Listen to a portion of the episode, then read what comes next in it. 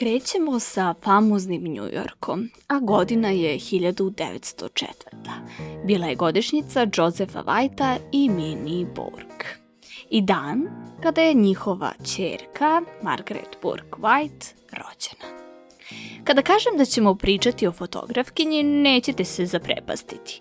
Ali, ako uz to dodam da je u pitanju ratna fotografkinja, tu se već vaš stav menja. Pretpostavljam.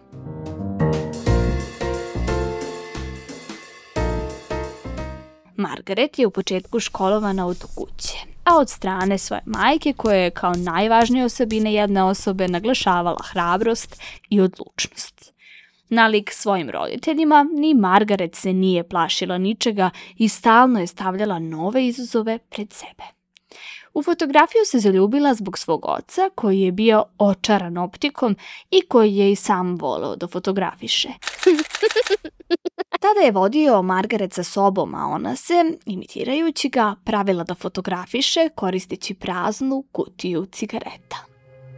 Iako je pomagala svom ocu da napravljene fotografije izradi, sama nije fotografisala dok nije odrasla. Tokom nastavka školovanja pohađala je mnoge univerzitete. Kolumbijski univerzitet, Univerzitet u Michiganu, Univerzitet Western Reserve i Univerzitet Cornell. Tokom tog perioda bavila se fotografijom prvo iz hobija, a zatim je, nakon što je napustila Cornell i preselila se u New York, fotografisala profesionalno. Promenila je svoje prezime dodajući devačko prezime svoje majke, Burke, da bi stvorila svoje profesionalno ime sa crticom, verujući da će to prezime biti ono koje će svi pamtiti.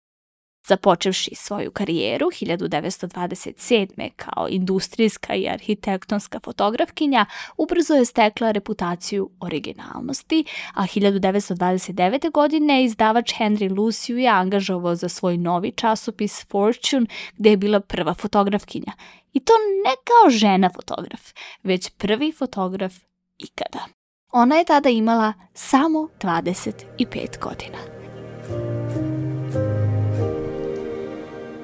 Tokom 1930-ih Margaret je kreirala fotoeseje u Nemačkoj i u Sovjetskom savezu. Bila je prva profesionalna fotografkinja, bez obzira na pol, koja dolazi sa zapada, a koja je bila puštena u Sovjetski savez. Ta iskustva omogućila su joj da usavrši dramski stil koji je koristila u industrijskim i arhitektonskim temama.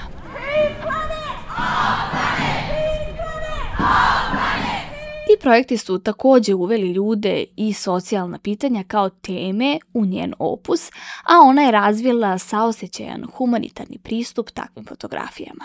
Godine 1935. Margaret je upoznala južnjačkog romanopisca Erskina Coldwella, za kojeg je bila udata od 1939. do 1942. Ovo je bio njen drugi brak. Novi par je sarađivao na izradi tri ilustrovane knjige. Videli ste njihova lica iz 1937. o siromašnoj klasi Amerike, Severno Dunava iz 1939. o životu u Čehoslovačkoj pre nacističkog preuzimanja vlasti i Sai, da li je ovo SAD iz 1941. o industrializaciji Sjedinjenih američkih država.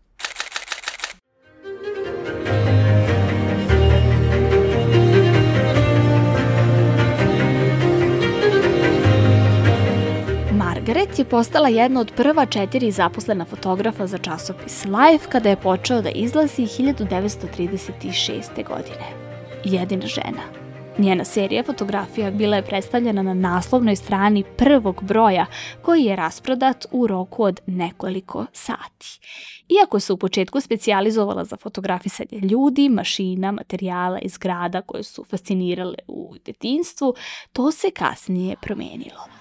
Društvena pitanja postajala su joj sve važnija i često je tražila zadatke u oblastima dinamičnih društvenih problema, gde su sukobi u kojima se nalazila zadovoljavali njen apetit za opasnim životom.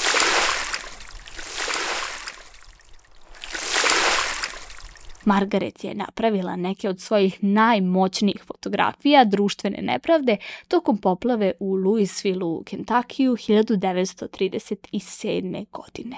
Sletela je samo nekoliko minuta pre nego što su aerodromske piste poplavljene. Išla je kroz grad i plutala u splavovima da bi dobila slike koje je želela. Njena fotografija grupe afroamerikanaca koji čekaju u redu za hleb ispod bilborda srećne bele porodice na koje je stajalo najviši životni standard na svetu nema načina kao što je američki način, uslikala je i težinu poplave, ali i društvene stvarnosti tog vremena. Želja za životom na ivici dovelo ju je i do ratova. Radeći direktno sa američkim oružanim snagama, Margaret je fotografisala drugi svetski rat, gde je bila prvi ženski fotograf na prvoj liniji fronta. Provela je mesece u vazduhoplovnoj bazi u Engleskoj, fotografišući manevre i putujući u London gde je fotografisala kralja Đorđa, Winstona Churchilla i etiopskog cara Haila Selasija. Kada je saznala za tajne planove za invaziju na severnoafričku obalu, zatražila je dozvolu da pokrije tu invaziju saveznika. Tamo je stigla ne avionom, rezervisanim prvenstveno za visoke oficire, već čamcem koji je bio pod udarom torpeda. Pobegla je sa drugima na poplavljenom čamcu za spasavanje, fotografišući mučno iskušenje jedinim fotoaparatom koji je uspela da spase. Dobila je dozvolu da prati i fotografiše misiju bombardovanja. Nijedna žena ranije nije imala ovu mogućnost. Godine 1943. fotografisala je rat u Italiji sa bukvalno prve linije fronta. Kako je sama rekla, nikada nije bila toliko uplašena kao tada. Pred kraj rata prešla je reku Rajnu i došla do Nemačke sa trupama treće armije generala Georgea Pattona. Ovog puta fotografisala je neke od najstrašnijih scena rata. Nacističke zvaničnike i njihove porodice, oslobađanje koncentracionog logora Weimar i mali nacistički radni logor u kome su zapaljeni jevrejski zatvorenici. Njene fotografije mršavih logoraša u koncentracionim logorima i leševa u gasnim komorama zaprepastile su svet. Njen otac bio je jevrej, a tu činjenicu je krilo od svih osim od tri ili četiri prijatelja. Posle drugog svetskog rata Margaret je otputovala u Indiju da fotografiše Mohandasa Gandija i zabeleži masovnu migraciju izazvanu podelom indijskog podkontinenta na Hindu Indiju i muslimanski Pakistan – Potom je otputovala u Južnu Afriku gde je iskoristila svoj uticaj i upornost da dobije dozvolu da fotografiše ne samo privilegovani način života koji vode belci, već i žalosne uslove crnaca pod apartheidom.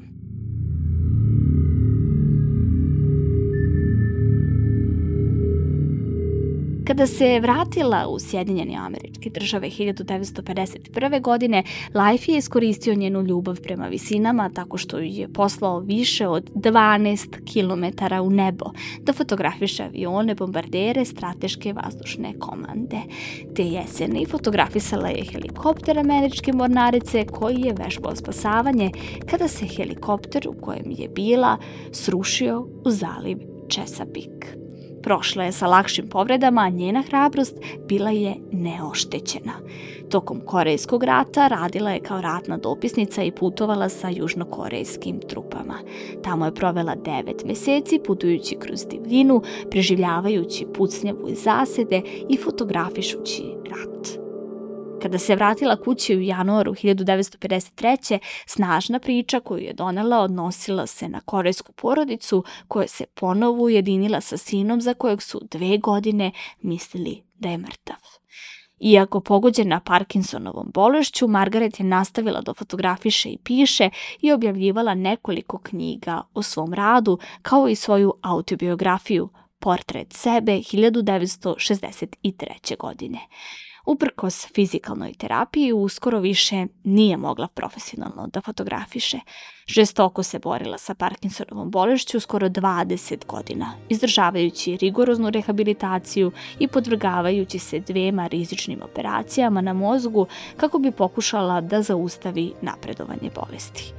Ipak, borbu sa ovom bolešću izgubila je 1971. godine u 67. godini života.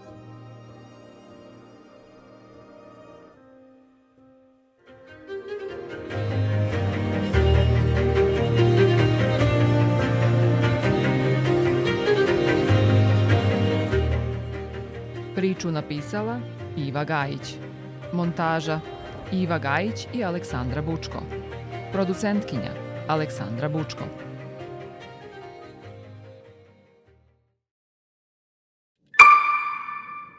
Produkcija Fabrika kreativnosti.